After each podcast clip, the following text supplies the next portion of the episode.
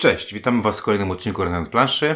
I co? I po tych y, smutkach, które ostatnio żeśmy smucili, e, chociaż tak dużo chyba nie smuciliśmy. No, my byliśmy uczciwi i racjonalni. Nie wiem, czy uczciwi i racjonalni. Ja tam tylko mam jeden komentarz do, y, do jednego, z, y, jednego z komentarzy, e, że pamiętajcie, że my oceniamy gry nie polskich wydawnictw, tylko polskich, y, znaczy zagranicznych wydawnictw. Tak, bo my zapomnieliśmy na początku tamtego odcinka wspomnieć o tym, że dla nas gra z roku 2022 to jest taka gra, która na Board Game Geeku koło tytułu ma datę 2022. Czyli nie musiała być wydana w 2022 w Polsce, to po pierwsze, a po drugie, y, wydana w Polsce, czyli tak naprawdę dystrybuowana w Polsce, więc jeżeli mówimy na przykład o mozaiku, to mówimy o wydawnictwie oryginalnym, czyli jak oni się tam nazywają, Forbidden, coś tam się nazywają bodajże, Oj, tak? nie pamiętam. No ale Forbidden Games bodajże. I w, i w każdym razie e, e, pamiętajmy o tym, że, że, że kurczę, jakbyśmy mieli oceniać polskie gry, to byśmy mieli ciężko, bo polskich gier nie jest tak dużo się pojawia.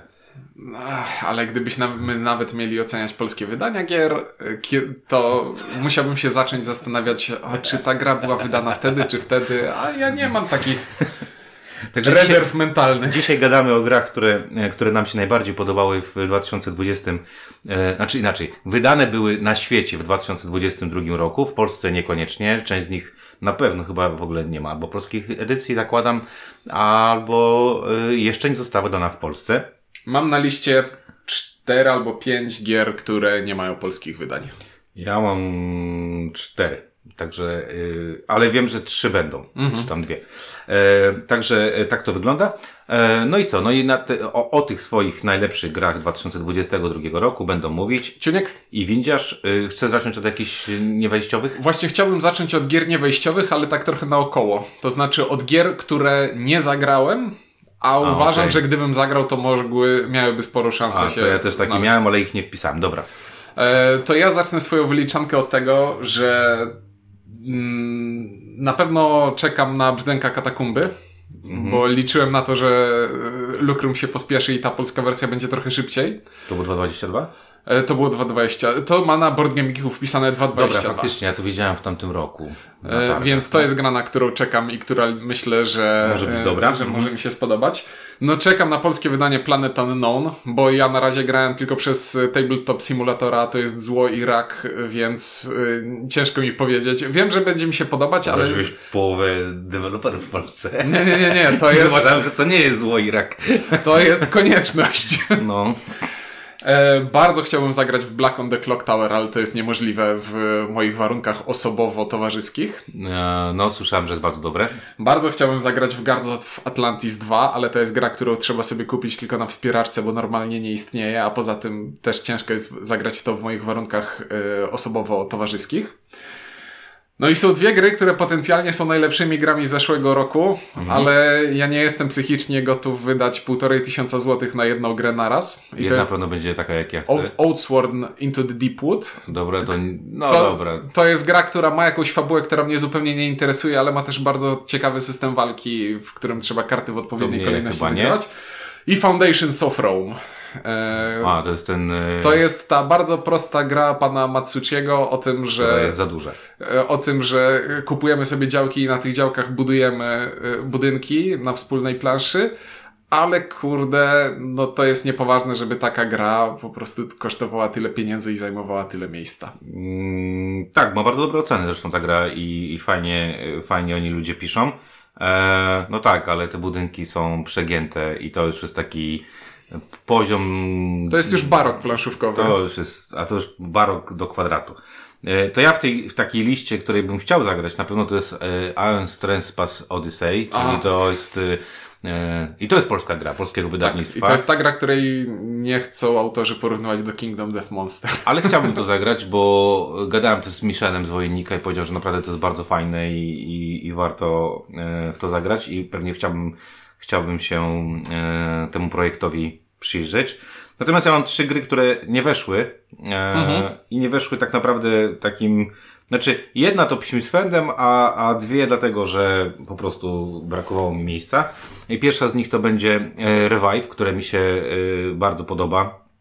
E, cała ta planszetka, którą sobie tam budujemy i, i rozwijamy i to jak to wygląda jest super. Natomiast Ja zagrałem tylko dwie, dwa razy chyba zagraliśmy w, dwa razy albo trzy razy w Revive'a, ale nie zagrałem do końca. Czyli jakby nie zagrałem tych pięciu, nazwijmy to scenariuszy, tych pięciu, e, pięciu rzeczy, więc, e, więc to co, to co zagrałem to mi się bardzo podobało.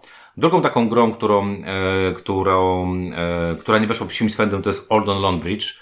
E, Old London Bridge, która Leo Kolowini, Piatnik w Polsce, Queen's Games na świecie, e, Niby prosta gierka, wbudowanie, odbudowanie mostu y, londyńskiego, ale cwana, sprytna, y, bardzo taktyczna, czyli trzeba na bieżąco modyfikować swoje, e, swoje jakby plany w tej grze.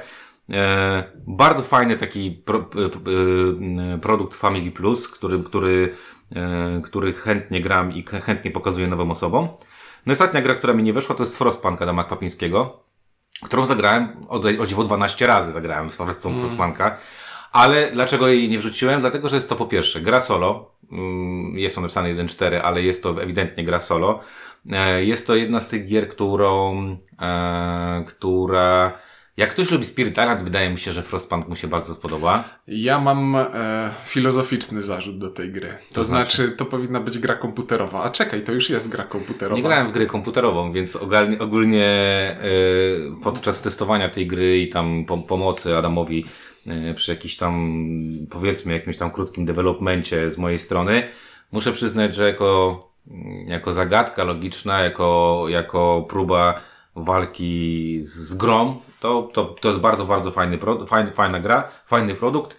Nie dla mnie do końca, bo mówię, no nie potrzeb, no maksymalnie dwie osoby bym chciał to grać, jeżeli, mm -hmm. żeby pomagać mi e, jakby zarządzać, zarządzać grom, natomiast y, no kurczę, jak na, jak na koopas y, albo na grę solo to jest bardzo, bardzo dobry, e, dobra gra. I ponoć bardzo dobrze oddaje to, co jest y, w mm. grze komputerowej, ale nie wiem, bo nie grałem. Także to są takie trzy gry, które, na które chciałem zwrócić uwagę, ale gdzieś do dziesiątki nie weszły. No dobrze, więc może, możemy przechodzić do miejsca dziesiątego u mnie. Eee, na miejscu dziesiątym znalazła się gra, która jest efektem moich ciągłych poszukiwań gry z ukrytym ruchem, w której bawiłbym się dobrze i która by mnie nie irytowała. I ta nie dość, że mnie nie irytuje, to bawię się przy niej bardzo dobrze. I to jest gra z Kickstartera, która się nazywa Sniper Elite. Nie e, I to jest, jeśli dobrze pamiętam, jednym ze współautorów jest e, ten pan od Nieustraszonych, którego e, z głowy zupełnie mi wyleciało teraz nazwisko. Pierre Sylwester? Nie, Pierre nie? Sylwester, nie. David Thompson. Okej. Okay. I jest to gra na licencji gry wideo, wideo bo czemu nie?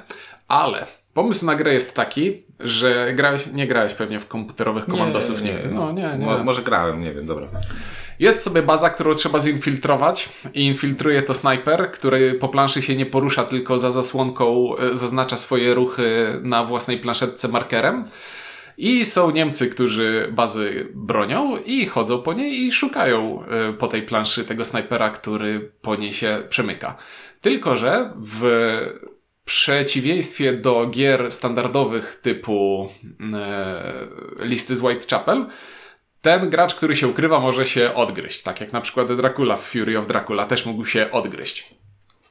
Tylko, że całość jest tutaj y, uzupełniona takimi fajnymi systemami, no bo jestem snajperem, więc faktycznie mogę strzelać do tych y, Niemców na odległość. I jest tam bardzo fajna minigierka e, z żetonami, które się wyciąga z woreczka. Czyli jeśli celujesz do kogoś, to masz woreczek, w którym masz żetony e, oznaczające pudło, trafienie, zacięcie broni. Mhm. I decydując się strzelać, decydujesz, ile żetonów e, z tego woreczka wyciągniesz, no i chcesz wyciągnąć tyle trafień, ile wynosi, przynajmniej tyle trafień, ile wynosi odległość. I to w pewien sposób ujawnia informacje e, graczom, którzy cię ścigają. Więc możesz liczyć, że trafisz na pewniaka i wiesz, ciągnąć mało żetonów, ale wtedy ujawniasz przeciwnikowi, że jesteś blisko niego, albo stwierdzisz, że tych żetonów wyciągniesz więcej, żeby zamaskować swoją obecność.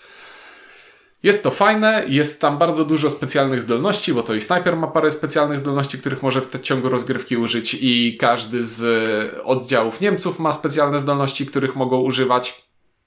E, I ogólnie rzecz biorąc, nie mam większych zarzutów do tej gry. I w momencie, w momencie jak w nią grałem. Top 10 twoim. Nie, bo ja zmierzam do tego, że w momencie jak ją grałem, to była najprawdopodobniej najfajniejsza gra z ukrytym ruchem, e, jaką grałem.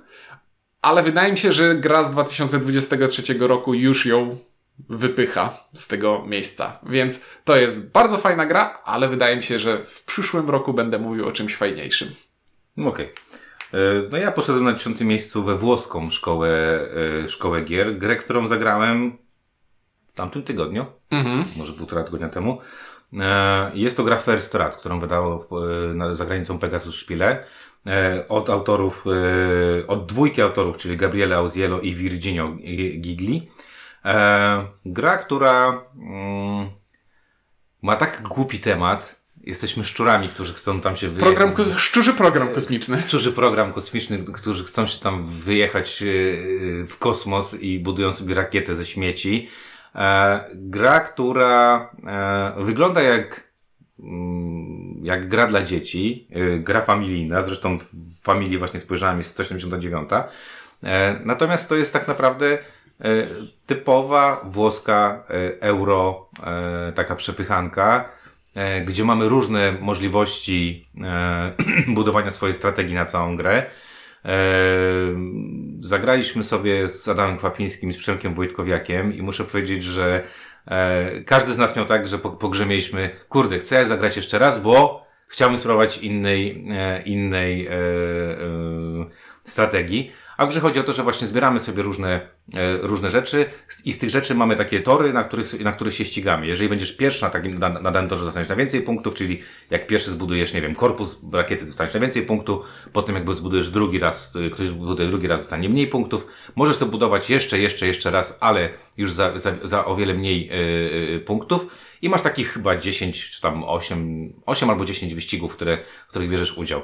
To, co mi się najbardziej chyba podobało, to jest to, że y, widzę tam y, multum y, możliwości strategicznych. Na zasadzie wymyślam sobie, y, że biorę ten żeton, który daje mi pełną, permanentną y, umiejkę i będę sobie robił dane rzeczy. Ścigamy się na, jest to taki te, swego rodzaju wyścig. Bardzo, bardzo przyjemny.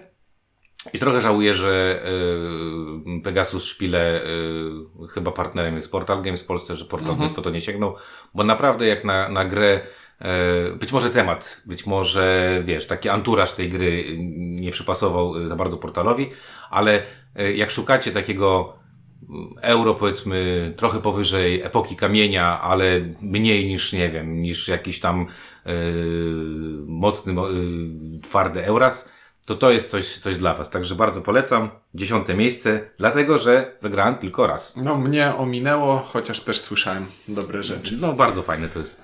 Ja teraz patrzę na swoje miejsce dziewiąte i wydaje mi się, że to jest coś, co powinienem był powiedzieć, zanim zacząłem wyliczać, ale teraz mi przyszło do głowy. Ogólnie rzecz biorąc, moja lista będzie e, składała się, znaczy, moja lista będzie potwierdzała myśl pod tytułem lubię gry, które już lubię i lubię e, mechaniki, które już lubię. I na dziewiątym miejscu u mnie znajduje się Turbo, czyli hit, czyli e, gra od Rebela, gra od e, Days of Wonder o wyścigach.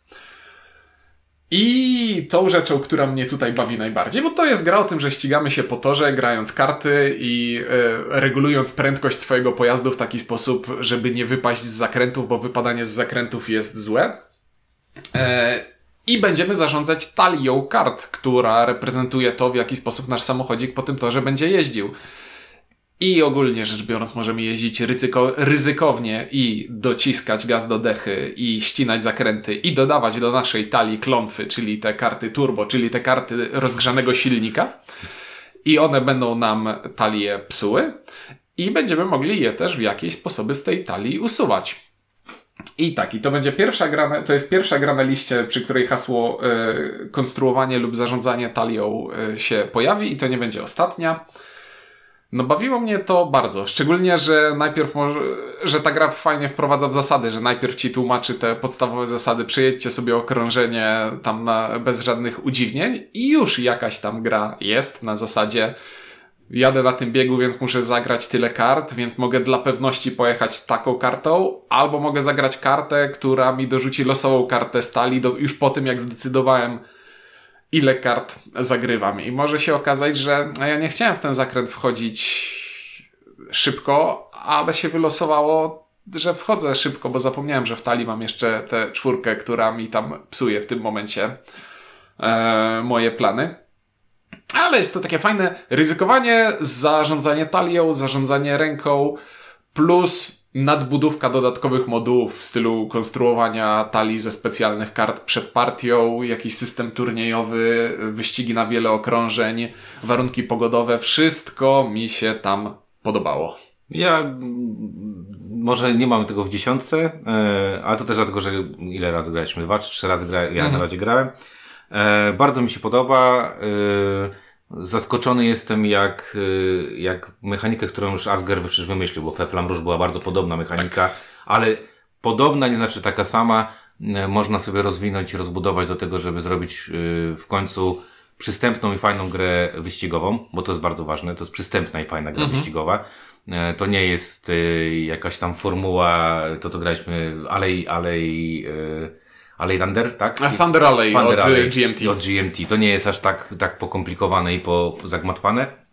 Muszę przyznać, że bardzo mi się podoba. E, Przecież wiadomo już, że Days of Wonder już szykuje jakieś tam kolejne mapy, kolejne jakieś dodatki, więc bardzo, bardzo, bardzo yy, przyklaskuję temu wyborowi i no i co można powiedzieć? 70 miejsce w ogólnym rankingu Board Game Geek i siódma y, w Family, więc y, Days of Wonder w końcu wydało grę na miarę Days of Wonder. Aczkolwiek w przyszłym roku, w tym roku będzie kolejna bardzo dobra gra. No, zobaczymy. No, zobaczymy. Znaczy no. ja zobaczę, bo ty już wiesz. Ja już wiem, no. E, Znaczy, ludzie też wiedzą, że to będzie Ticket to Ride Legacy i, i ja już grałem, skończyłem i wiem, że, że Days of Wonder wróciło na e, falę wznoszącą, więc bardzo, bardzo fajnie. E, No dobrze, to u mnie numer dziewiąty to jest gra, która mnie trochę zaskoczyła, dlatego że w, zeszłym roku chyba, czy dwa lata temu, w zeszłym roku, to był jeden z niewypałów, które strasznie, na straszny, na który, na, stru- na, stra, na który strasznie e, narzekałem. A w tym roku okazało się, że wprowadzenie tego, czego ja lubię, co ja lubię w grach, w grze, której nie lubię, e, powoduje, że wskakuje na miejsce dziewiąte. Jest to My City gra kościana, czyli ro- roll and write, nazwijmy to w ten sposób. E, gra, która e, w wersji podstawowej chyba mnie wkurzało to, że ona jest bardzo policzalna, że nie da się tam dogonić, że, że nie ma, nie ma jakichś takich catch-up mechanizmów, a tu się nagle okazało, że y, dodanie tego push-or-lucka na zasadzie albo pauzuje, albo gramy dalej i, i zobaczymy co będzie i może mi się uda, a może mi się nie uda, spowodowało, że bardzo dobrze mi się w tę grę e, grało. E, Co więcej, e, jest u, w mojej rodzinie chęć zagrania jeszcze raz, więc jakby, jakby mm, to sama, jakby sama śmietanka, że jeżeli ktoś po przejściu całej gry chce zagrać jeszcze raz, więc muszę przyznać, że, e, że gra, o której już mówiliście, mówiliśmy, możecie sobie wrócić do naszej recenzji, tak bardzo odmieniła mi oblicze Rainera Knici i gra gry Moje Miasto. Także numer 9 bardzo, bardzo polecam. I od razu przejdę do numeru 8, Dobra. bo jest to wykreślanka. E, Mam kolejną wykreślankę, jest to Twilight Inscription, e, bo jak, e, i to jest drugi jakby biegun wykreślankowy, gdzie My City, czyli moje miasto jest strasznie, nazwijmy to dosyć prostym, ale angażującym w rozgrywkę tytułem, to Twilight Inscription jest, stoi w totalnej opozycji tego. Mamy mi, tam nie wiem ile tych raz jest, kilkadziesiąt raz. Y, gra, która trwa dwie, trzy do trzech godzin. Nie wiem, czy zaryzykowałbym kilkadziesiąt, kilkanaście na pewno. No. Jest, ale jest ich sporo. No jak będzie 21, to już jest kilkadziesiąt. nie pamiętam. W każdym razie e, Twilight Inscription e, zrobiło e, coś, co, co też mi się jakby zaskoczyło mnie bardzo mocno. Mianowicie grę solo, bo to jest gra solo, nie oszukujmy się, z lekkim wyścigiem spowodowała to, że bardzo chętnie do tego siadam. E, znowu możecie się cofnąć do naszej recenzji. E, dużo możliwości, du- dużo zabawy, duża regrywalność. No i, i, i muszę przyznać, że byłem zaskoczony, bo tak jak mówiłem w recenzji, bałem się, że skok na kasę z- od FFG, że dobra, weźmy sobie Twilight, yy, wpiszemy w tytuł i będzie, będzie wszyscy kupią. E, bardzo polecam, jeżeli szukacie wykreślanki o stopniu trudności chyba wyższym niż mur Hadriana, nie? Ale bardzo chciałbym zobaczyć sytuację, w której jakiś die-hard fan Twilight Imperium, który nic nie wie o Twilight Inscription, siada do tej gry tak po prostu, że ktoś mu wystawia ją i zobacz, to jest, to jest ta twoja ulubiona gra, tylko w formie wykreślankowej. I chciałbym zobaczyć reakcję na żywo z poznawania takiej gry. Znaczy, ja ci powiem tak, że zastanawiałem się nawet nad tym, że kurczę, Cosmic Encounter mi się chyba tam bardziej by pasował, bo te, jeżeli chodzi o te frakcje, nie? Natomiast, no, no dobra, no jakby... Twilight Imperium to jest Też. taki Cosmic Encounter trochę. Trochę tak. Nie wiem. Pewnie teraz wszyscy powiedzą, bredzicie.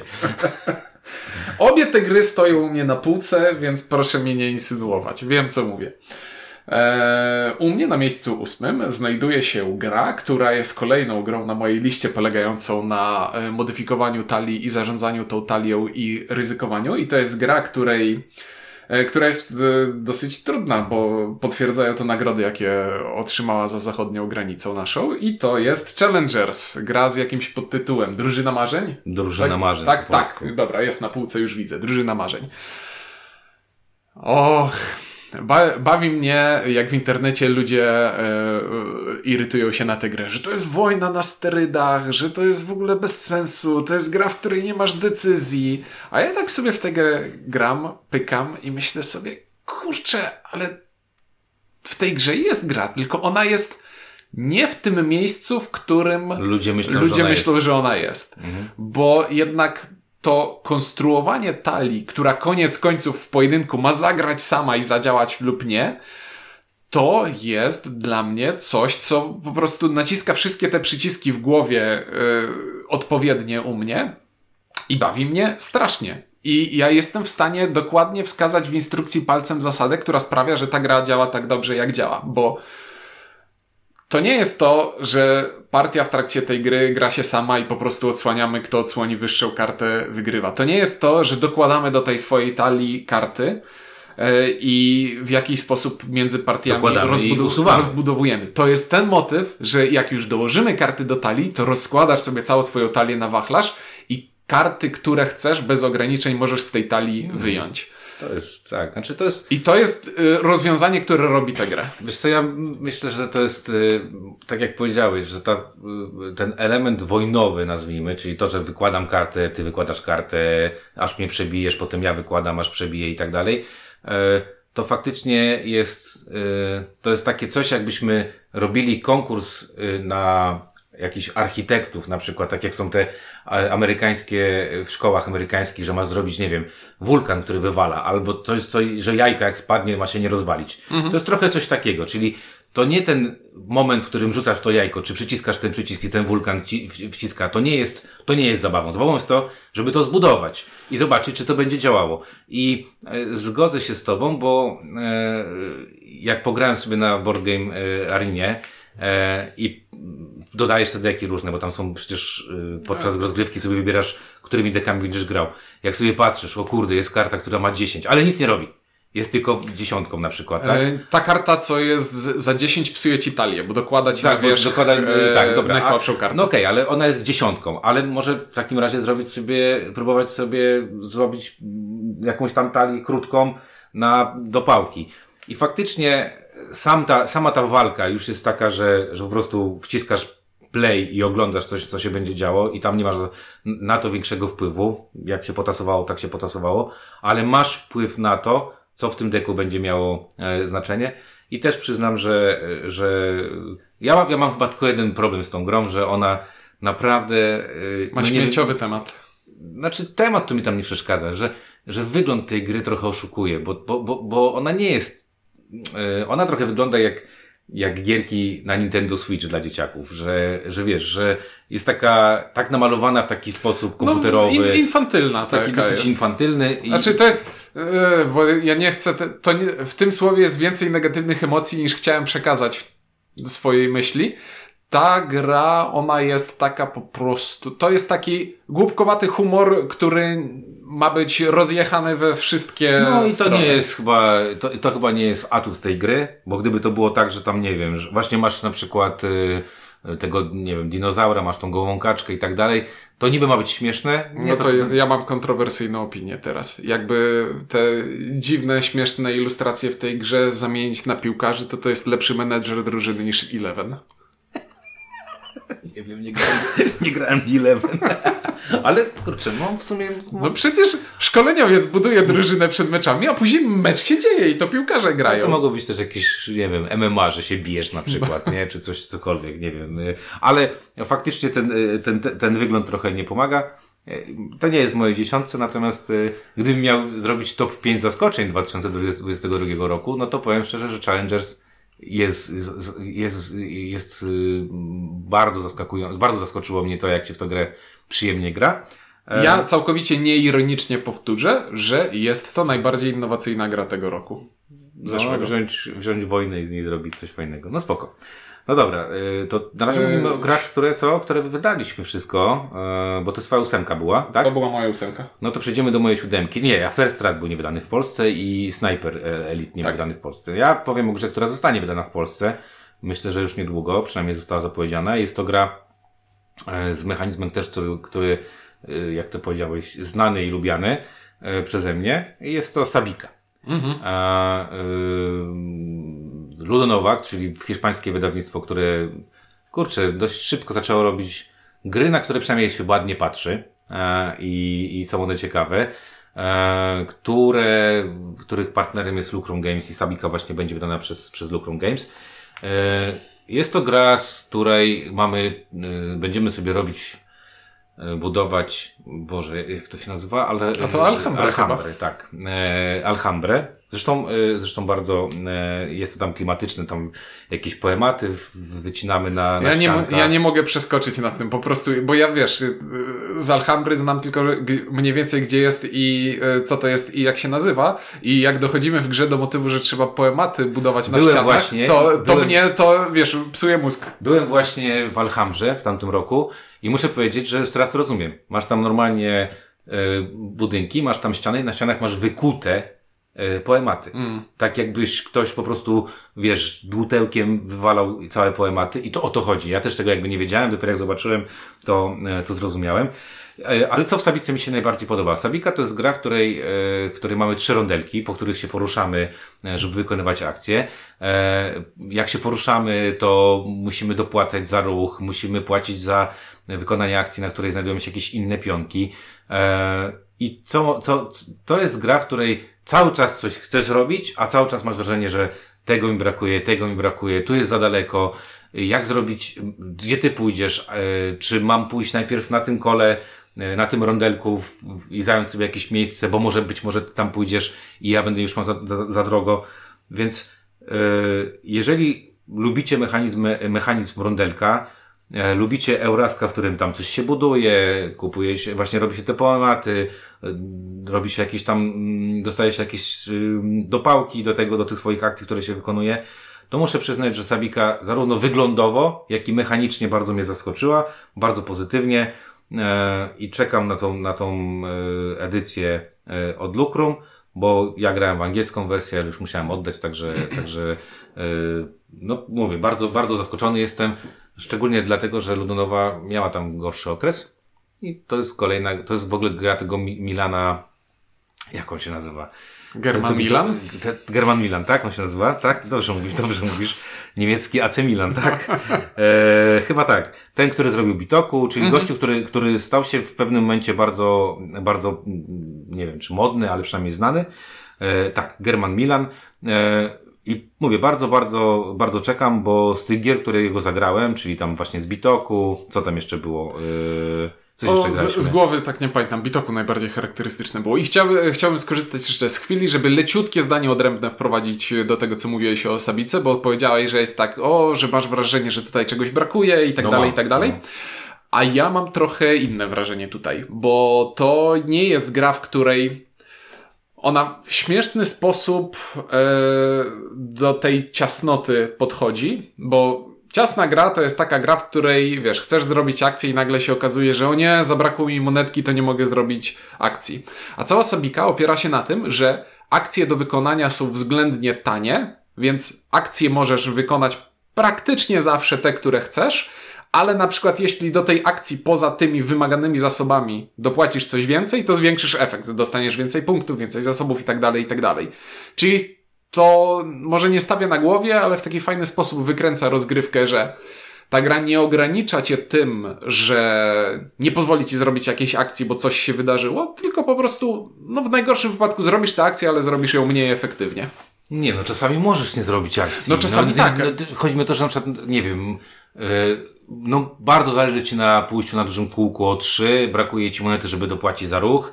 Tam jeszcze stoi ktoś, więc musisz zapłacić za wykonanie tego. O to mi chodzi. Mhm. Bo tak naprawdę to reszta to są jakieś tam wyścigi. No mamy wyścigi w tych miasteczkach, kto pierwszy do tego miasteczka tam dopłynie i tak dalej. Jest tam kilka mechanik i muszę przyznać, że e, jakbym porównywał Bitoku do Sabiki, no to Sabika dla mnie w ogóle detronizuje Bitoku. No bo E, coś widać na planszy i składa się to w bardziej logiczną bardziej całość. logiczną całość. Na, na Board Game Geeku ma to 3,87 trudność. Nie wiem, czy to jest aż tak trudne. Natomiast y, jako jednak mimo wszystko fan y, gier euro, y, no muszę powiedzieć, że fajne to jest. Nie jest to jakieś super świeże, nie jest to jakieś super odkrywcze, ale, ale po prostu było to, dobrze mi się w to grało i, i, i mówię, i czekam na polską edycję.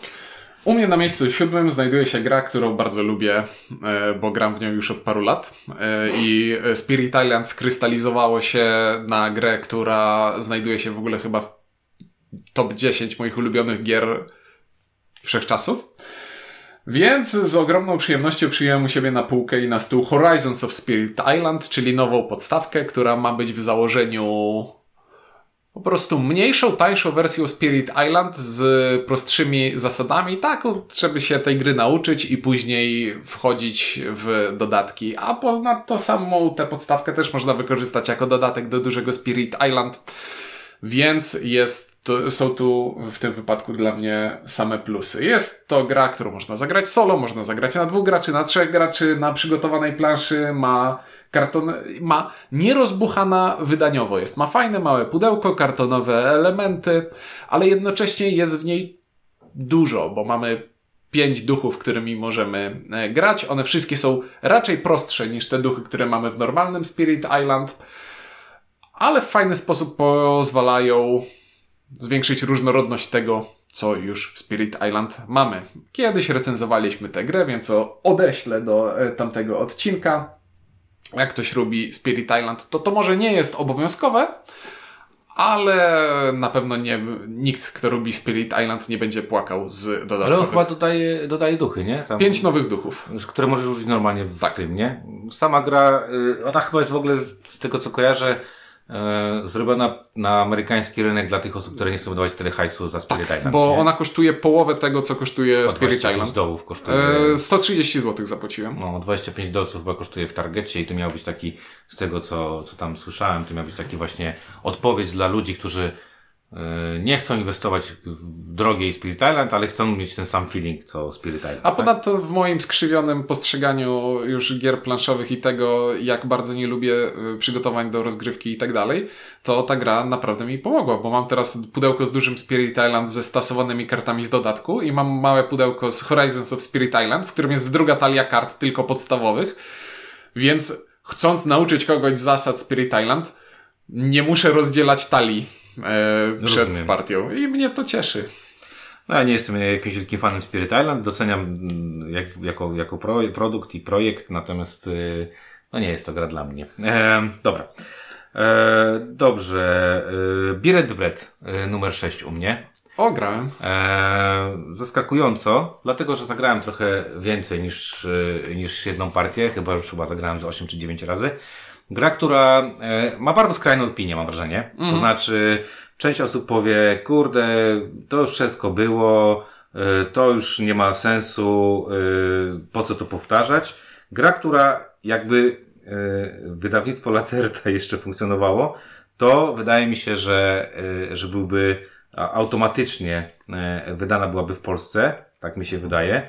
Nikt się po to nie, nie, nie skusił, a jest to fajna gra dwuosobowa, która robi coś, co ja bardzo lubię. Mianowicie mamy karty i karta to jest, znaczy inaczej, w grze będziemy sobie piec e, chleb i robić piwo. E, I e, naszym celem jest Robić porówno. zrobić tak, żeby punkty za chleb i punkty za, win- za piwo były bardzo podobnie wyglądały, dlatego że niższy wynik określa naszą, nasz wynik końcowy. Każda karta to są trzy rzeczy. Jedna, jedna z możliwości to jest branie zasobów i w branie zasobów jest bardzo fajne, dlatego że mamy, mamy tam pola, gramy, yy, na, pa, gramy w, parzy, w nieparzystych pola są obficie, yy, są obfite i mamy tam yy, dużo, nie wiem, tam czego tam, chmielu, dużo żytka, dużo jakichś tam... Żyto, tam, jęczmień, pchenica, chmiel i... Nie pamiętam tego, tego I woda jeszcze jest. A woda jest nie, nieograniczona, bo przecież mhm. jest tam rzeczka. E, więc możemy sobie brać zasoby i te zasoby bierzemy w ten sposób, że utworzymy sobie takie kolumny i, i sobie bierzemy tych zasobów tak, jak, jak e, pokazują na nasze kolumny. E, druga rzecz to każda karta może być, jest kartą przepisu na właśnie konkretny chleb, na konkretne piwo, które możemy sobie uważać lub upiec.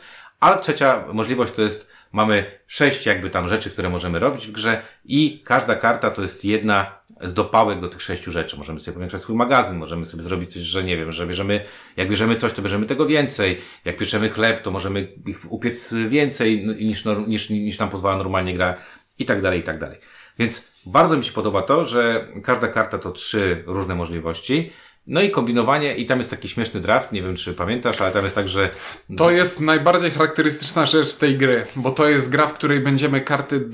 Właśnie trochę mi uciekło to z pamięci, ale. Jeszcze moje... mówię, e, draftujemy na początku karty i wszystkie karty, które zagraliśmy jako do pobierania zasobów. Trafią do trafią, następnego draftu. Traf, nie, trafią do, do, A, do, do nas. Do I w, drugiej, w, w, w farzystych nie draftujemy. Czyli de facto czasami bierzemy zasoby tylko po to, żeby zabukować sobie karty na 100%, że w, w parzystym roku będę miał tak, e, to, u siebie. To, to jest to, co najbardziej zapamiętałem z tej rozgrywki, że ona cię oszukuje, że mówi ci z jednej strony graj teraz, bo to jest ważne, ale z drugiej strony nie, nie, nie, nie, nie. Przygotuj, graj na, się. przygotuj się na następną rundę. I to, to jest gra, która jest trochę cięższa niż na początku się wydaje. Nie trafiło mnie do dziesiątki, ale znaczy ja powiem tak. Zagra, zagrałbym więcej. Ja, ja powiem tak. Scott Almes to jest ten gościu, który robił wszystkie tajni, tajnie epiki chyba. Yy, tak. To jest naprawdę bardzo, bardzo płodny, fajny, fajnie tworzący gry autor. I Biren Brett, yy, mówię, bardzo mi się podobał. Jest gra zależna językowo. Trzeba znać język angielski dość dobrze, żeby, yy, żeby rozumieć te karty, bo są te, te karty zdolności. Gdyby nie te yy, zdolki, to gra byłaby praktycznie yy, z automatu do kupienia w wersji angielskiej czy niemieckiej. No i niestety jest dosyć droga, bo chyba z tego co pamiętam kosztuje 25 albo 27 euro, a jest to dalej gra dwuosobowa. Natomiast mówię, no gdyby wydawnictwo Lacerta jeszcze funkcjonowało, to to jest tak, to gdybym miał strzelać w ciemno, kto mógłby to wydać w Polsce, to byłoby to wydawnictwo Wygląda Lacerta. Wygląda jak gra, gra Lacerta. Tak jest. Na moim miejscu szóstym znalazła się gra od wydawnictwa Simon i od wydawnictwa Portal i jest to dla mnie trochę zaskoczenie, że tak mi ta gra siadła jak siadła i jest to Massive Darkness 2 i miało to jakiś podtytuł, bodajże Hellscape.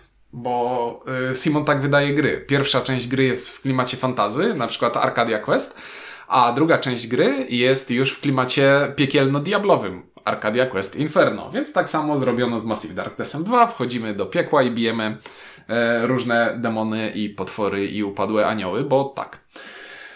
Massive Darkness 2 odpowiada na pytanie, co by było, gdyby do Dungeon Crawler, e, gdyby Dungeon Crawlera skrzyżować trochę z rootem lub grą tego typu asymetryczną. To znaczy wchodzimy do podziemi bić potwory w stylu Zombicide'a, ale każdy z graczy wciela się w jakiegoś bohatera, który te potwory bije swoją własną minigierką. I na przykład mamy czarodzieja, który programuje sobie odpalanie czarów w odpowiedniej kolejności i może w trakcie gry się e, rozwijać i te czary podmieniać. Mamy Rangera, który jak strzela z łuku, to gra sobie sam ze sobą w Blackjacka swoją własną talią kart i ryzykuje, czy próbuje trafić krytyczny strzał, czy strzela tym, co e, już wycelował. Jest e, druid, który może sobie przyzywać e, dodatkowe figurki na planszę, które też będą śmigać i walczyć z potworami. Jest w tej grze dużo bardzo fajnych rzeczy, które mnie bawią. Jedyne problemy, jakie z tą grą mam, które troszeczkę mi e, obraz tej gry burzą, to to, że jest to pudełko niepoważnie wielkie i źle zorganizowane w środku, więc jak na przykład wyjmiesz sobie dwie wypraski żetonów z tego pudełka i je wypykniesz, to nie ma już miejsca, żeby te żetony do pudełka schować, więc musisz e, organizer... Naprawdę? Naprawdę, musisz oddzielny organizer trzymać, e, w, w oddzielnym organizerze je trzymać. Jest to gra, e, którą dosyć długo się przygotowuje i skaluje się w brzydki sposób, to znaczy tam skaluje się poziom trudności i długości rozgrywki. I jak grasz na dużo graczy, to ona jest długa i nudna, a jak grasz na mało graczy, to jest względnie dynamiczna, ale trochę za prosta. Aha, za prosta, okej. Okay. I bo tam e, w fajny sposób generowane są potwory, które chodzą po tym, e, po podziemiach, bo z jednej, potwory dobierasz z dwóch talii. Z jednej talii dobierasz jaki potwór wychodzi i on ma jakąś zdolność, a z drugiej talii dobierasz jaką broń ma dowódca tego i jaki przedmiot upuści, kiedy ten oddział pokonasz. Przez co za każdym razem ten potwór generuje się trochę jakoś inaczej. No ale każdy dowódca chodzi z obstawą i obstawa tego, e, obstawa oddziału, obstawa dowódcy e, definiuje iloma kostkami ten e, oddział będzie rzucał w trakcie walki i obstawa wynosi, e, w obstawie jest tyle potworów, ilu jest graczy przy stole. Przez co jak grasz na okay. dwóch graczy, to masz małe oddziały, które rzucają małą liczbą kości okay. i to jest ogarnialne a jak grasz na więcej graczy, to, to nagle się okazuje, że, że, jest worek kości i ten jeden z graczy, który pierwszy musi podejść i dziobnąć ten oddział, pewnie dostanie w papę i może zostanie zmieciony jednym strzałem. I to mnie nie bawiło w tej grze. Ale na, na dwóch, trzech graczy już grało mi się bardzo dobrze. I solo też. No dobra. E, to był który numerek? To był numer 6 mój. Numer 6, dobrze. No to numer 5. E, gra, o której Eee, gra, o której już mówiliśmy, też możecie się wrócić do naszej recenzji. Wydane przez w Polsce przez Galaktę za granicą Fantasia Games bodajże. Eee, jest to Wieczna Zima. Mhm. Eee, to jest gra, która to jest największe oszukaństwo chyba, jakie dostaliśmy w 2022 roku, to znaczy E, dostaliśmy grę zrobioną e, z kilku innych gier, w których każda, gdyby ją oddzielić od siebie, jest po prostu średnia, łamane przez taka sobie, łamane przez słabutka. Natomiast przez to, że to wszystko zostało połączone i zostało wydane w taki sposób, jaki zostało wydane, e, po prostu mi się w to świetnie, świetnie grało. I to jest jedna z tych gier, która Cały czas jakieś dodatki jeszcze chyba nam wiszą, nie? Tam do zagrania. No z rzeką nie zagraliśmy jeszcze. Także Tomek, y, następnym razem jak się widzimy, to możesz proponować, jeżeli, y, jeżeli jeszcze masz, bo Tomek często sprzedaje gry. E, bo ja bardzo chętnie bym dalej sobie pograł w tę grę. E, dlatego, że ona mnie bawi. A bawi mnie e, przez to, że daje mi sporo możliwości różnych, tych, tych punktowań, mhm. tego bawienia się w te wyścigi, kto tam zbuduje pierwszy szałas, a kto nie zbuduje, e, jak zrobimy swój deck, e, którą kartę sobie weźmiesz ty, z, tych, z tych takich super ekstra fajnych kart, e, jakie zwierzątka ci się uda polować. Nie wiem dlaczego. Mówię, na zdrowy rozsądek ta gra nie powinna mi się podobać prawie w ogóle. Albo powinienem powiedzieć, że to jest taki, no taki typowy średniak. Nic tam fajnego nie ma oprócz tego pięknego wydania, bo, bo, bo, ono jest piękne. A z drugiej strony, e, no nie wiem, ten fan faktor był tak wysoki, że podobnie jak w My City, bardziej e, przemówił do mnie nie to, jakie są tam mechaniki, nie to, jak ta gra jest skonstruowana, a to, jak dobrze się przy niej bawię. To jest bardzo fajna dłubaninka, która nie znalazła się w mojej dziesiątce, ale w sumie jakby się znalazła, to też bym się nie zdziwił. no tak, bawiliśmy dobrze przy Tak jest. Także, także fajnie. Y, mówię, czekam na zagranie dodatków. Na moim miejscu piątym znajduje się gra, którą już znałem, bo Great Western Trail to jest bardzo dobra gra, a Great Western Trail Argentyna to jest bardzo dobre rozwinięcie bardzo dobrej gry, które łata, i tutaj trochę wyolbrzymiam, które łata dziury, z których nawet nie zdawałem sobie sprawy, że w oryginale były. Great Western Trail Argentyna to jest gra, która bierze pod lupę projekt pierwszej części i sprawdza, które z elementów pierwszej części wystają poza obrys. To znaczy, które nie stykają się ze sobą tak jakoś bardzo mocno i w tych miejscach, w których tych punktów styku brakowało, doszywa trochę, żeby teraz wszystko się spinało ze wszystkim bardziej. Więc na przykład e, krówki, które wozimy, oprócz tego, że wozimy je po to, żeby dawały nam punkty zwycięstwa pieniądze i oprócz tego, że wozimy je po to, żeby czasami krówką zapłacić za jakąś akcję na planszy, to teraz dodamy dodatkową cechę do tych krówek, więc niech będzie dodatkowa waluta, siła pociągowa e, dodana na tych kartach. Jeszcze, także więc masz wprowadzoną, z grubsza, największa zmiana jest taka, że masz wprowadzoną dodatkową mechanikę, że chodzisz rolnikom przez pola i po drodze możesz im na tych polach pomagać e, w zbiorach e, że wysyłasz krowę do roboty i ona ciągnie pług i pole jest Rolnicy są szczęśliwi. Rolnicy są szczęśliwi i idą, zatrudniają się w twojej korporacji. E, przez co na przykład masz dodatkową rzecz, nad którą możesz myśleć, bo masz powiedzmy krowę, która ma wartość 5 przy sprzedaży, a 1 przy pracy, a masz krowę, która ma wartość 1 przy sprzedaży, ale tam 7 albo 8 przy pracy. Więc masz po prostu kolejny, kolejny czynnik, który bierzesz pod uwagę e, podczas e, planowania swoich ruchów. No i jeszcze dużo innych fajnych rzeczy tam się zmieniło. Koniec końców dostajemy grę, która jest. Wszystkie elementy tej gry bardziej trzymają się za ręce. Także to nie. Tak jak w wiecznej zimie widzisz, że to są minigierki, które stoją obok siebie, to tutaj już nie, nie. Wszystko jest zintegrowane, wszystko jest, y, stoi w tym miejscu, gdzie trzeba. Szpilki nie wetkniesz, żeby czegoś nie zepsuć. Bardzo mi się ten projekt podoba. No, ja nie, nie grałem, yy, ale jakby jest szansa, że zagram w końcu. E, powiem tylko, tylko tyle, że też z bratem rozmawiałem, który zagrał i powiedział, że no jest to lepsze GWT, po prostu lepsze. No, jak ktoś lubi GWT, no to, to, to ta wersja mu się powinna bardziej spodobać. No i ten wygląd chyba jest całkiem spoczko, czy nie? Wygląd jest spoczko, ale to, to wygląd wygląda tak samo jak druga edycja pierwszej części. Druga edycja pierwszej części, y, w którą też nie grałem. Mm. Grałem tylko w pierwszą edycję pierwszej części. No dobrze. E, no to czwórka, tak? To już blisko, Czwórka. blisko podium jesteśmy. E, no u mnie jest znowu Galakta. E, znowu gra, która e, też nie robiła nie wiadomo czego, ale bawiłem się bardzo dobrze i, i tak sobie myślę, że, że w sumie jakby ktoś zaproponował, to, to bym chętnie zagrał. I Jest to ten, ten król gór w grocie. W Grocie Króla Gór. I nie wiem, czy to jest fajna gra. Dlatego znalazła się na czwartym miejscu w czołówce. ale nie, znowu, wiesz, to nie jest tak, czy ja nie wiem, czy to jest fajna gra, bo to jest takie... E,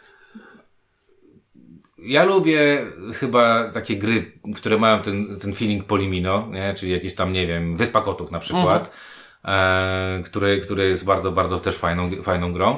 E, tutaj chyba zdecydowanie bardzo podoba mi się to, że jest taki feeling trochę jak w Blokusie, że tam blokujemy rzeczy, że się ścigamy, e, że musimy sobie e, pokombinować, jak stawiać te monumenty, gdzie je stawiać, te pomniki, jak się tam dopchać do tej, do tej, e, do tego centrum, jak te punkty zdobywać, co przykrywać, a, a czego nie przykrywać. I chyba to, co najbardziej mi się podobało w, w, w grocie, to jest to, że e, podoba mi się ten bardzo prosty mechanizm budowania tej piramidki. Czyli jak sobie budujesz tą piramidkę e, tych swoich e, kart i je później odpalasz, to to jest bardzo prosty mechanizm, a jednocześnie on był chyba w Viceroyu na przykład, e, czyli w, nam, w namysłniku po polsku. Nie zupełnie Ale ja taki, mówię po, ale... jakby o, o samym stylu, nie? No tak, to, tam nie, nie ten sam mechanizm, ale chodzi mi o to, że e, też się tam coś budowało. E, I muszę powiedzieć, że e, znowu przyjemność gry e, całkiem mimo wszystko pasujący klimacik e, do tej gierki spowodował, że, że, że to jest u mnie numer 4. Znowu możecie wrócić do naszej recenzji, tam więcej się, więcej o niej mówiliśmy. Także Ga- Galakta, moim zdaniem, te dwa tytuły, czyli Wieczna Zima i Grocie Króla Gór, no bardzo trafione, trafione dla mnie przynajmniej tytuły z tej strony. Na moim miejscu czwartym znajduje się pierwszy crossover. Ty, my jeszcze nie mieliśmy żadnego takiego Nie, samego chyba. jeszcze nie mieliśmy, Dobrze, to jest, dobrze. to jest pierwszy nasz crossover. Ja na miejscu czwartym umieściłem grę Twilight Inscription, która mnie podoba się bardziej niż tobie, bo jestem bardziej łamigłówkowy chyba trochę niż Ja ty. też, tylko krótka, krótkie ten. Ja mam, im więcej robimy tych rzeczy, tym bardziej zastanawiam, y, jak robimy dziesiątki, y, w serio, Czy coraz, my patrzyliśmy na tę samą listę? nie, nie, coraz, powiem Ci nie, inaczej. Coraz trudniej mi jest, y, łatwo mi gdzieś tam powiedzieć, co jest jedynką, ale już tak powiedzmy od piątego do dziesiątego, to tak naprawdę te gry mogłyby sobie pewnie leżeć w dowolnej kolejności. Im starszy jestem, tym trudniej mi yy, yy, yy, tą szarość jakby, yy, znaczy szarość. To dalej jest top 10, ale naprawdę powiem wam, że to tak samo jak nie wiem, czy mam z komiksami, czy z filmami, że ewidentnie widzę, że coś jest genialne i bardzo mi się podoba, ale już jakąś tam, wiesz, różnicę pomiędzy dobrym filmem, a dobrym filmem, który jest lepszy, No wszystko jedno, to nie jest na tyle istotne, żeby się spinać nad tym. Dokładnie. Więc y, ten Twilight mógł równie dobrze być na piątym miejscu pewnie u mnie. No. No, więc to jest najlepsze sudoku jednoosobowe, w jakie grałem od dawna, z bardzo dużą regrywalnością wynikającą z tego, że jest tam po prostu dużo spektakularnych rzeczy, które mogą się wylosować, dużo zdolności specjalnych, dużo plansz. No bawi mnie to i nie przeraża mnie, że to będzie trwało dwie godziny za każdym razem, jak już usiądziemy. No ale to z dwie godziny... Takiego ciąg- fajnego muszczenia! Ale ciągłego też. To nie jest tak, że sobie Że czekasz robisz kogoś. przerwę, dokładnie. To jest cały czas coś robisz i, i, i, i, i no nie wiem, no zobaczymy, no jak to, jak to... yy, Inaczej. Ja wiem, że każdemu to nie podejdzie, ale dalej uważam, że szansę spróbowania warto dać. Nie, wydaje mi się, że jeśli chodzi o takie aberracje, jaką są ciężkie wykreślanki, no to to jest ścisły top. Tak jest. E, no dobra, no to e, finiszujemy strong, tak? Mówi się finish strong. No u mnie trzecie będzie dla Ciebie zaskoczenie prawdopodobnie. E, I teraz znowu, ponieważ u nas ta, ten czas jest dosyć dziwny, ja nie wiem jak Ciuniek ma e, czasowo wszystko porozkładane, ale o tej grze właśnie niedawno nagraliśmy podcast i oni jeszcze, jeszcze go nie puszczały z tego co wiem. E, tydzień temu poleciał. Tydzień temu poleciał? W momencie, jak to y, słuchacze słuchają, a nie w momencie, jak to nagrywamy. Właśnie zastanawiam, co tydzień temu było. E, no dobra. E, trójka to będzie Marrakesz, który nie byłem jakimś tam, e, może inaczej. Podsumowałem e, w recenzji, że to nie jest gra, którą muszę mieć, ale głównym e, moim, jakby mo, moim e, problemem z tą grą jest jej cena. No niestety jest ona zbyt droga, a w wersji retail mi się ona nie podoba, żebym ją kupował. Więc y, y, to taki chyba smutek y, y, hajsowy, że kurde, chciałbym tę grę, ale, ale ona jest za, za droga. E, dlaczego trójka? Bo mówię, no zagrałem, zagraliśmy ją kilka razy. E, jeszcze teraz Tomek do nas napisał, że ostatnio zagrał jakąś partię czteroosobową, która była jakimś tam wybitnie dobra. No, że ten draft zadziałał tak jak trzeba i że wieża zatrzymywała. Wieża w końcu zatrzymywała, że łagodne y, żeńskie dłonie muszą po prostu wrzucać, e, e, wrzucać elementy do, do wieży. No i co mogę powiedzieć? No, y, Marrakesz y, pana Felda, y, sałatka punktowa, punkty wszędzie, kombinowanie, kto co pierwszy zrobi, kto co zabierze, trochę czytanie w myślach, totalnie abstrakcyjny temat, totalnie wymyślone głupoty w tej grze na zasadzie, a tu dostaniesz to, a tu musisz obracać to, a tutaj się po- poruszasz na jakiś, e, na jakichś dwóch piramidkach, a na, i dostaniesz to, co jest na przecięciu. No, no bawi mnie to bardzo. E, chętnie bym, bym w to grał i grał i grał. E, dawno nie miałem tak z Feldem, żebym sobie w niego grał, grał, grał. No i to jest trzecie miejsce, dlatego trzecie miejsce, że znowu, po prostu to jest chyba e, taki mój przytyk do Queen Games, że robi za drogie gry. No, no to jest już przegięcie, no po prostu No, przegięcie. No, tak. e, tak samo jak sobie myślę, że bardzo lubię grać Kingdom Buildera, a prawdopodobnie nie kupię już żadnej edycji, chyba że tą zimową się uda kupić, bo każda kolejna jest po prostu horrendalnie droga, już, nie? A, a tam nie ma aż tak dużo, żeby, żeby za to tyle pieniędzy sobie... Znaczy nie wiem, chyba Queen Games po prostu ma bardzo drogi te, drogą tekturę. Ona tam ma w środku jakieś pewnie, wiesz, nie wiem, y, uran albo, albo pluton, nie mam Żeby, pojęcia. może, że po to, żeby było widać z kosmosu. Nie wiem. Nie mam pojęcia. Także u mnie e, trzecie miejsce, a ponieważ Czuniek już zdradził, że to będzie leciało tydzień po tym, e, po, po recenzji Marrakeszu, to sobie możecie tam wrócić. Trochę skreślcie to, co powiedziałem na końcu, że, że, że, że, że, że nie, albo mówię, głównie, główne nie u mnie to jest dlatego, że e, lubię jednak pieniądze i chciałbym je wydawać racjonalnie.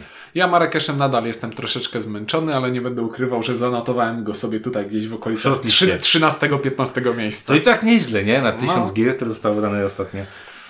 U mnie na miejscu trzecim znajduje się gra, która nie ma polskiego wydania. e, Marrakesz ale, też nie ma. ale Marrakesz też nie ma. I Birenbret nie ma i Ferstrat nie ma. I jest to deck building, jest to deck building z planszą, więc jest to zarządzanie talią e, i jest to gra, która nazywa się Ascension Tactics, czyli to jest prosta gra skirmiszowa o tym, że poruszamy figurkami po planszy i próbujemy kontrolować odpowiednie tereny na tej planszy, którą sterujemy za pomocą gry w Star Realms, bo... W bo tak. W Ascension, ale to jest prawie to samo. Ale po pierwsze, no to, to Ale autorzy prawie ci sami. Tam pan Justin Gary we wszystkim maczał, maczał palce. no, Shards of Infinity w Ascension, tak. Mhm. Więc jest to gra, w której faktycznie ruszamy bohaterami po planszy i ci bohaterowie się na tej planszy biją, ale całością sterujemy za pomocą standardowej wystawki kart z Ascension albo ze Star Realms i budujemy sobie talię, w której produkujemy dwa zasoby. Produkujemy sobie pieniążki, za które kupujemy karty i produkujemy sobie miecze, gdzie w każdej innej grze mieczami po prostu zadawaliśmy obrażenia, a tutaj mieczami aktywujemy bohaterów. I mek polega na tym, że jak już dojdzie do walki, to walka jest całkowicie deterministyczna. Nie ma rzutu kośćmi, nie ma żadnej minigierki, tylko po prostu ten bohater, jeśli zaatakuje, zada 5 obrażeń, a ten bohater, jeśli otrzyma przynajmniej 4 obrażenia, to zginie. I cały myk polega na tym, że na przykład, żeby aktywować tego bohatera, musisz zagrać cztery miecze, więc musisz je mieć w talii. Mhm. I budujesz sobie drużynę w taki sposób, że na przykład ten bohater nie robi dużo, ale jego aktywacja kosztuje jeden miecz, więc prawie co turę będę mógł nim coś zrobić. zrobić. Mhm. A ten, tego aktywacja kosztuje pięć mieczy, więc już jest trochę ciężej, ale jak przywali, to przywali. Do tego nakłada się mas masa różnych standardowo karcianych zdolności, które zazębiają się w fajne sposoby i, je, i takim nowym tutaj robię y, cudzysłów palcami jest to, że są w tej grze karty, które jest nowy typ zdolności w deckbuildingowej. Mamy kartę, która ma zdolność, która zadziała w momencie, jak ją kupisz, a później wejdzie do talii i będzie robić już coś innego. Więc znowu inspirowane trochę Shards of Infinity, mamy zdolności, które odpalamy prosto z rynku po to, żeby ten rynek się nie blokował. Ja na razie liznąłem dosłownie ułamek e, tego, co w tej grze jest, bo tam jest cała książka scenariuszy i plansz, które można sobie A grałeś wersję z figurkami? Grałem czy... wersję ze standami, która uważam, że jest najbardziej czytelną wersją, mhm. bo na tym standzie, który stoi na planszy, masz tę samą ilustrację, co na karcie, do, z którą mhm. E, ta karta, no z tak, którą ten stand jest właśnie, bo, mi, bo widziałem figurki, bo pamiętam to na Kickstarterze chyba bodajże było, e, figurki były takie trochę oszukańcze, że ona trochę wygląda jak ta. Ona trochę wygląda tak mm. jak ta. Mm. Więc e, zdecydowanie ja mam u siebie na półce tę wersję ze standami i to jest dla mnie optymalny sposób grania w tę grę. No, podoba mi się bardzo. Ciekawe, czy będzie po polsku. Niby to jest to samo wydawnictwo co Shards of Infinity, to może, może. Mm. To znaczy? Jakie wydawnictwo? Znaczy to jest, yy, bo to jest Ultra Pro i Stoneblade mhm. yy, Aha, oryginalnie, no, no i Shards wydał portal, więc zobaczymy. Ale przez Yellow. No, ale zobaczymy.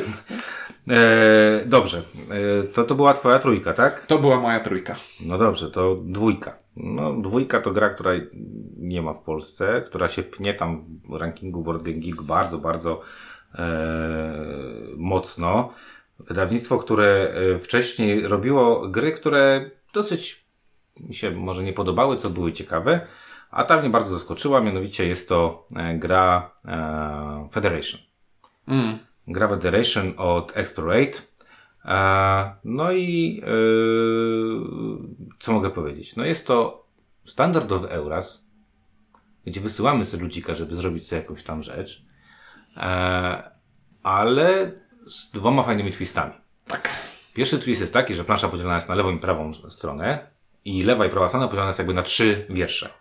I w momencie, kiedy kładziemy sobie e, swoją, sw, jakby swojego pionka, żeby wykonać akcję, to wykonujemy tę akcję, robimy różne, e, różne rzeczy, ale to, co tam jest fajnym bajerem, to jest na końcu dostajemy punkty. Jeżeli mamy najwięcej e, w danym, w danym, jak to się nazywa, wierszu, E, e, siły położonych swoich gości, a druga możliwość to jest to, że będziemy wpływać na to, za co dostaniemy punkt na koniec. I głosujemy sobie, czy, będziemy, czy będzie punktacja z lewej strony, czy z prawej strony planszy. Czyli co rundę będziemy mieć dwie punktacje i będziemy e, jako gracze determinować, co będziemy robić. No i teraz e, myśmy fajną rozgrywkę mieliśmy, gdzie e, coś tam sobie robisz, szykujesz sobie, szykujesz, a potem nagle ktoś ci mówi, ej, ale nie będziemy za to punktować, a ty też to zrobił na maksa, bo będziemy punktować za coś, co w ogóle nie zrobiłeś. Lub w drugą stronę, ktoś się bardzo dobrze przygotował, no i przegłosował sobie to, to prawo.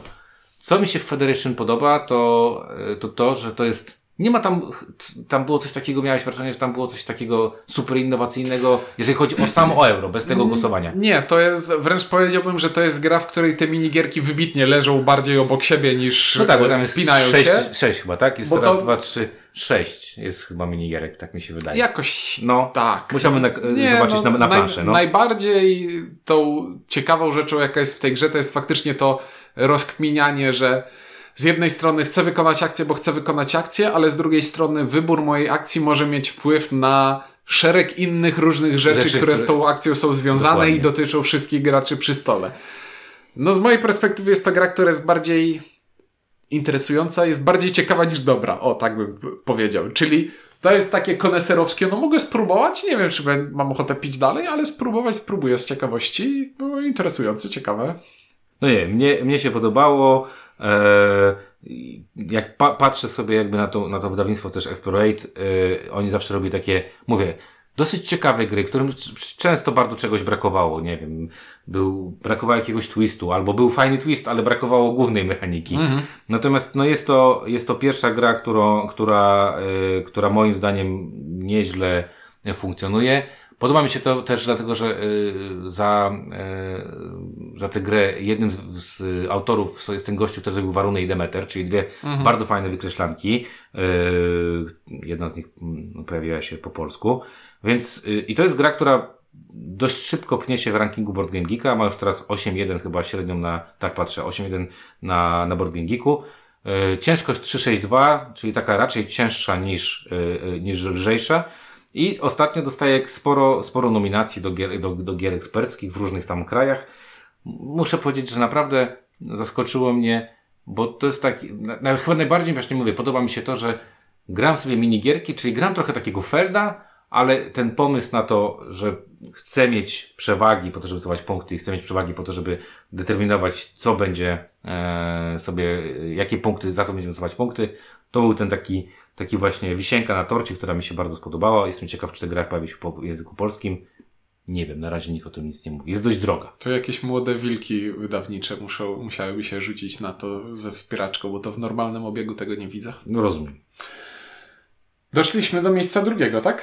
Miejsce było drugie u mnie, tak? Miejsce drugie moje to jest gra, która chciałbym, żeby była wydana po polsku, a nie jest i to jest The Guild of Merchant Explorers. I jest to najprawdopodobniej najlepsza wykreślanka, jaką grałem w tym roku i jaką grałem w ostatnich latach, z tą uwagą, że w sumie to nie jest wykreślanka, bo nie piszemy tam po niczym, ale działa jak wykreślanka. Odkrywamy kartę, która nam mówi, gdzie na planszy możemy wykreślać pola e, łamane na kłaść kosteczki i w ten sposób okiełznując losowość tej talii, z której wychodzą karty, chcemy jak najefektywniej łączyć ze sobą na swojej własnej prywatnej planszy pewne pola. O tej, tę grę recenzowaliśmy, mówiliśmy o niej względnie niedawno. E, mój entuzjazm się utrzymuje, a nawet rośnie. No dobrze, no możesz sobie wrócić do naszej recenzji. Tak? No dobra, to co? Miejsce pierwsze, proszę. No, u mnie gra, która e, no znowu, bo ktoś może powiedzieć, a, bo tutaj pracuję w tej firmie, to tak właśnie jest, nie? E, gra, która, do której zmieniłem trochę swoje podejście, dlatego że e, zagrałem jeszcze prototyp tej gry i ona była trochę tam zbrołkowana, a potem wydawca tej gry ją rzucił na board Game Arena, ludzie zaczęli grać, natłukli tam tysiące partii i autor, czyli pan Javier Jorges, tak, on się tam George, jak on się tam nazywa, jak się to czyta, e, stwierdził, ok, to ten budynek musi działać inaczej, to ten departament musi działać inaczej, e, bo jest troszeczkę za mocny. No jest to gra Carnegie, czyli wydaw... czy inaczej. Rzecz, która e, miała śmieszną historię w Polsce, bo miała być wydana po polsku, pamiętasz? Ktoś tam no, pa, zapamiętał. Pamiętam, pamiętam. Stork Games mówiło, że zrobi po polsku. E, potem się z tego e, wy, wycofało Store Games i już e, Store Games nie ma, a Carnegie sobie tak leżało. E, gra, do której też mam jakby taki sentyment trochę z własnej strony, dlatego że tłumaczyłem instrukcję polską do, hmm. z, Macie, z Maciejem Matejko, czyli tak zwanym Mateo. E, e, I jak ktoś sobie ściąga PDF-a, to to jest moja instrukcja za, za błędy, przepraszam. Mam nadzieję, że tam nie ma wielu błędów. E, nie czytałem jakichś wielkich narzekań. Ale gra, która sprawiła na mnie bardzo duże wrażenie, dlatego że ogólnie ja lubię pana Saviera. Pan Savier robi dobre gry. Graliśmy, nie wiem, jaką ostatnio zrobił słabą grę, no ale Trua bardzo lubię. Black Angel też mi się mimo wszystko trochę podobał, y, bo, bo był na silniku, który bardzo, y, bardzo lubię. Carson City czy, czy Ginkgo Polis to też jest on? Ginkgo Polis to też oczywiście, mm -hmm. że on. Więc y, Ginkgo Polis bardzo, bardzo mi się podobało. Wydaje mi się, że z jego gier Ginkgo Polis jest najbardziej takie wyjątkowe. Tylko, że tam kurde jest trochę Trochę musisz mnie trochę. Jest tak wyjątkowe, że to nie każdemu podejdzie. Nie podejdzie. Ja jeszcze też lubię turniej, więc ogólnie lubię design tego gościa. No i znowu, no Carnegie to jest gra, która dosyć szybko się e, wbiła e, pod setkę, 121 w tym momencie na świecie, 8,1 średnia, e, średnia ciężkość, 3,8, znaczy średnia punktacja od graczy, 3,82 jeżeli chodzi o ciężkość. Jest to gra, która daje multum możliwości rozwoju, multum możliwości kombinowania, jak zdobywać punkty. Opowiada o ciekawej postaci, e, o tej, powiedzmy, dobrej części tej postaci. Mhm, tak, bo tworzy, tworzy obraz e, krwiożerczy kapitalista przeklasowuje się na filantropa. Tak. Znaczy, na początku biedak, który American Dream staje się superkapitalistą, potem jest superfilantropem. Jest tam trochę poukrywane, bo do tłumaczenia musiałem trochę poczytać o panu Carnegie i okazało się, że on miał trochę tam y, za uszami i trochę więcej niż tylko trochę. E, natomiast, y, natomiast, no mówię, bardzo, bardzo, yy, bardzo mi się ta gra podoba. Żałuję, że polska edycja nie będzie miała mojego tytułu no słuchaj, przygotow... poczekaj, rozsiadam się. Czekaj, bo ja muszę sobie teraz przypomnieć jakąś, jak ten tytuł był. To było, za... dobra, y, y, no nie pamiętasz, to kolej... Y, y nie mówiłeś. Stal i kolej, resztę olej. tak, taki był tytuł. E, natomiast w, w, w wydawnictwie powiedziano, że fajny, ale nie przejdzie.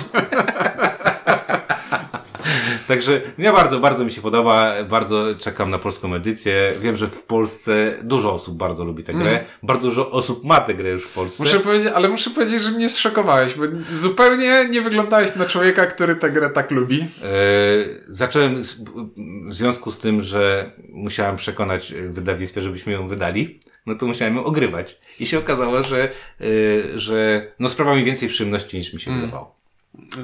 Mnie Można też... zagrać na Board Game Arena. Można zagrać na Board Game Arenie. E, lepiej zagrać z dodatkami niż, znaczy bez dodatków trzeba zagrać, żeby się nauczyć, ale później, żeby podtrzymać trochę różnorodność rozgrywek, wydaje mi się, że trzeba dodać dodatki, te, które dodają więcej departamentów, tak żeby nie były w każdej partii te same, bo jak zagrałem kilka partii z tymi samymi departamentami, to troszeczkę zaczęło mi się nudzić i zacząłem eee, wpadać w tory. Na szczęście są nowe departamenty. Na, na szczęście są. I, i, także można sobie je ten nie znalazła się ta gra niestety w mojej dziesiątce.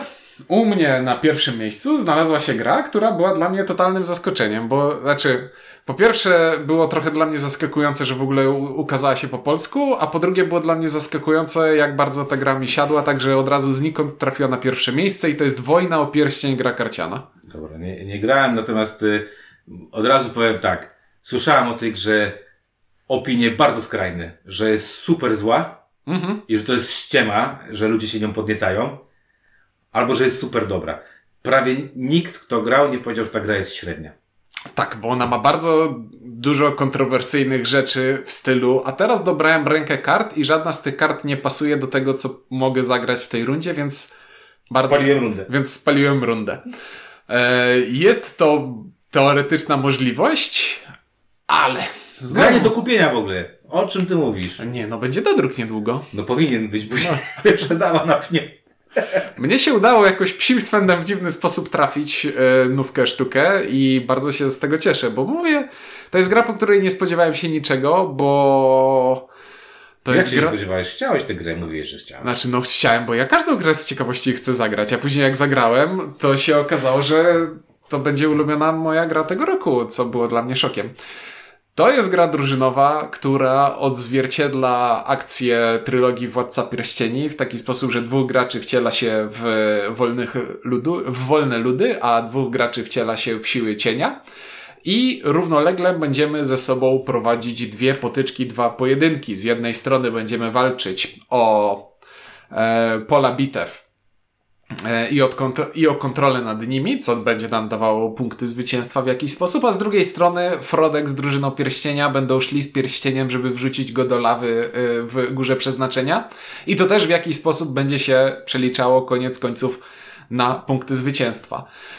A w duchu ta gra, tak jakby ją strywializować zupełnie, to jest gra standardowo licytacyjna o tym, że dokładamy karty z cyferkami do miejsc i ten, kto dołoży więcej, tę kartę wygrywa. Ale jest obłożona bardzo fajnymi ograniczeniami w stylu ja jestem graczem, który gra Sauronem i moje armię i moi bohaterowie mogą chodzić tylko tam, gdzie fabularnie mnie, moje karty miały dostęp, więc na przykład nie wyślę Nazgula do Mori, bo w Mori nie było Nazguli, w Mori był Balrog i Balrog może się pojawić w Mori. Jest to bardzo ciekawy pomysł na e, wprowadzenie czegoś w rodzaju scenariusza do gry opartej na talii kart, a z drugiej strony robi bardzo fajne rzeczy z głową e, i z zarządzaniem tą talią, bo to jest dosyć losowa gra, pod względem tego, że faktycznie mogę dobrać karty, e, które mi się do niczego w tej chwili nie przydadzą.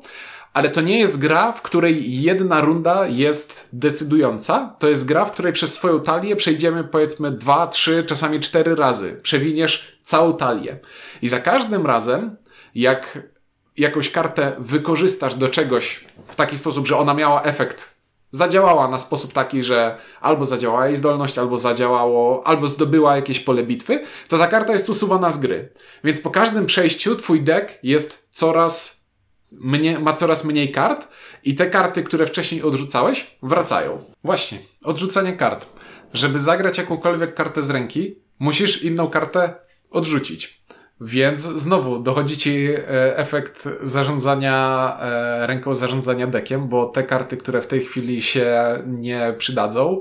Ja wolę mieć rękę, na której mam połowę kart, które chcę zagrać, i połowę kart, które wiem, że a, ona mi się w tym momencie nie przyda, więc mogę ją spalić, żeby zagrać coś innego. Ale doświadczenie pokazuje, że we wszystkich moich partiach do tej pory każdą z kart, którą miałem na ręce, chciałem zagrać i na, najpewniej na dwa z różne sposoby, które się wykluczały, więc to jest gra, która robi mi z głową po prostu bardzo fajne rzeczy. Jest to strategiczne zarządzanie składem swojej talii i dekonstrukcja swojej talii. To jest bardzo cwana rzecz i, i to jest też gra, która odczarowała dla mnie granie na dwie ręce, bo nie grałem jeszcze w ten tryb y, dwuosobowy, gdzie każdy gra jedną dużą talią. Mhm. Grałem na dwie, trzy, cztery osoby, ale za każdym razem jak grałem, to grałem dwoma wirtualnymi graczami, że po jednej ręce miałem Saurona, po drugiej ręce miałem Sarumana z okay. potworami. Więc zarządzałem dwoma taliami i dwoma rękami kart, i bawiło mnie to zdecydowanie bardziej niż yy, się spodziewałem. I bawiło mnie to na tyle mocno, że teraz dużo bardziej chciałbym zagrać w Quartermaster Generala, które, który mnie kiedyś ominął, bo też nie wierzyłem, że uda się zebrać sześć, os sześć osób, żeby w to zagrać, ale jakby się dało grać na parę rąk, to może, może. No, jestem zaintrygowany mocno. To ciekawe w ogóle, bo powiedzieliśmy o 20 grach i tylko jedna nam się powtórzyła. Jedna nam się powtórzyła. To jestem w szoku. Powiedzieliśmy o 19 grach tak naprawdę.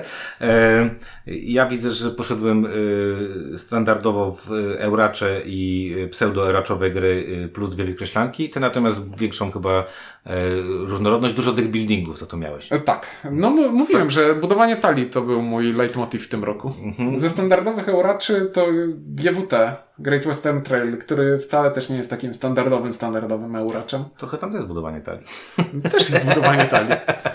No spoko. E, no dobra, no to piszcie w takim razie oczywiście, e, jakie wy macie typy, co żeście zagrali w 2020, znaczy inaczej, co zagraliście z 2022 roku, co wam się najbardziej podobało, albo nie wiem, zaskoczyło was, albo wskoczyło z nienacka na wasze półki i stwierdziliście, wow, to było super. Ja tylko tak podsumowując też powiem szczerze, że 2022 rok ja tak przyglądałem, przejrzałem sobie dzisiaj e, y, tak jeszcze, wiesz, żeby sprawdzić chyba pierwsze, pierwszych 15 stron na Board Game Geeku mm -hmm. i zagrałem mnóstwo gier 2002 roku, co mnie zaskoczyło. Mm -hmm. Dużo nie zagrałem z tego topu, ale to dlatego, bo że... To, bo drogie lub mało dostępne, lub, mało lub drogie tak. i mało dostępne. To najgorzej, to połączenie. E, czyli diagram Vena, tak? Czyli tak. te, są drogie, tu są mało dostępne, a w środku są te, które nie, przede wszystkim nie zagraliśmy. E, zaskoczyło mnie też, znaczy zaskoczyło mnie to, że zagrałem bardzo dużo, ale nie miałem takiego czegoś, na przykład szukałem czegoś takiego, wiesz, świeżutkiego, takiego wow, że to było takie jakieś y, super odkrywcze, albo żeby chociaż wspomnieć o takiej grze i nie wiem, brakowało mi jakichś takich, wiesz, że wow, wow, wow. Nie no, wiem, Challengers to... najbardziej odkrywcza i najbardziej odważna premiera tego roku. Nie wiem, czy najbardziej odważna. Znaczy, na pewno tak, jest to, mówię, jedno z największych zaskoczeń. Jakbym miał zrobić zaskoczenia, to bym powiedział, że Challengers jest jednym z największych zaskoczeń y, tego roku. Ale mówię, zagrałem dużo takich rzeczy, które gdzieś już kiedyś, wiesz, widziałem, miałem Mhm. i tak dalej, nie? Zresztą moja lista też to pokazuje, Dlate, że... Dlatego ja chciałem zacząć swoją listę od preambuły, o czym zapomniałem, że podobały mi się te gry, które już mi się podobają. I moja Nie, lista tak to, wygląda. Powiedziałeś No. to. Natomiast... trochę, trochę później niż na początku listy. Natomiast, natomiast mówię, no, ja tak patrzę na swoje rzeczy, to tak stwierdziłem, że kurczę, e, jednak takie dobre, tłuste euro, to, to i pod warunkiem, że jest, też ma fajną regrywalność, jest, jest w moim topie. Także w każdym razie zapraszamy Was do komentowania, zapraszamy Was do napisania, co Wam się podobało i, i które, które z gier Was zaskoczyły. E, A my postaramy się jeszcze nadrobić oczywiście, bo Mhm. jak zwykle postaramy się być może za przysz, w przyszłym roku e, zrobić takiej, wiecie, zagraliśmy, okazało się, że zagraliśmy jeszcze w kilka gier, których nie, nie udało nam się wcześniej zagrać i może to jakoś wpłynęło na naszą, e, naszą, nasze myśli o tym e, 2022 roku. O swoich topkach mówili Czuniek? i Windziarz, e, dzięki i do usłyszenia w przyszłym tygodniu.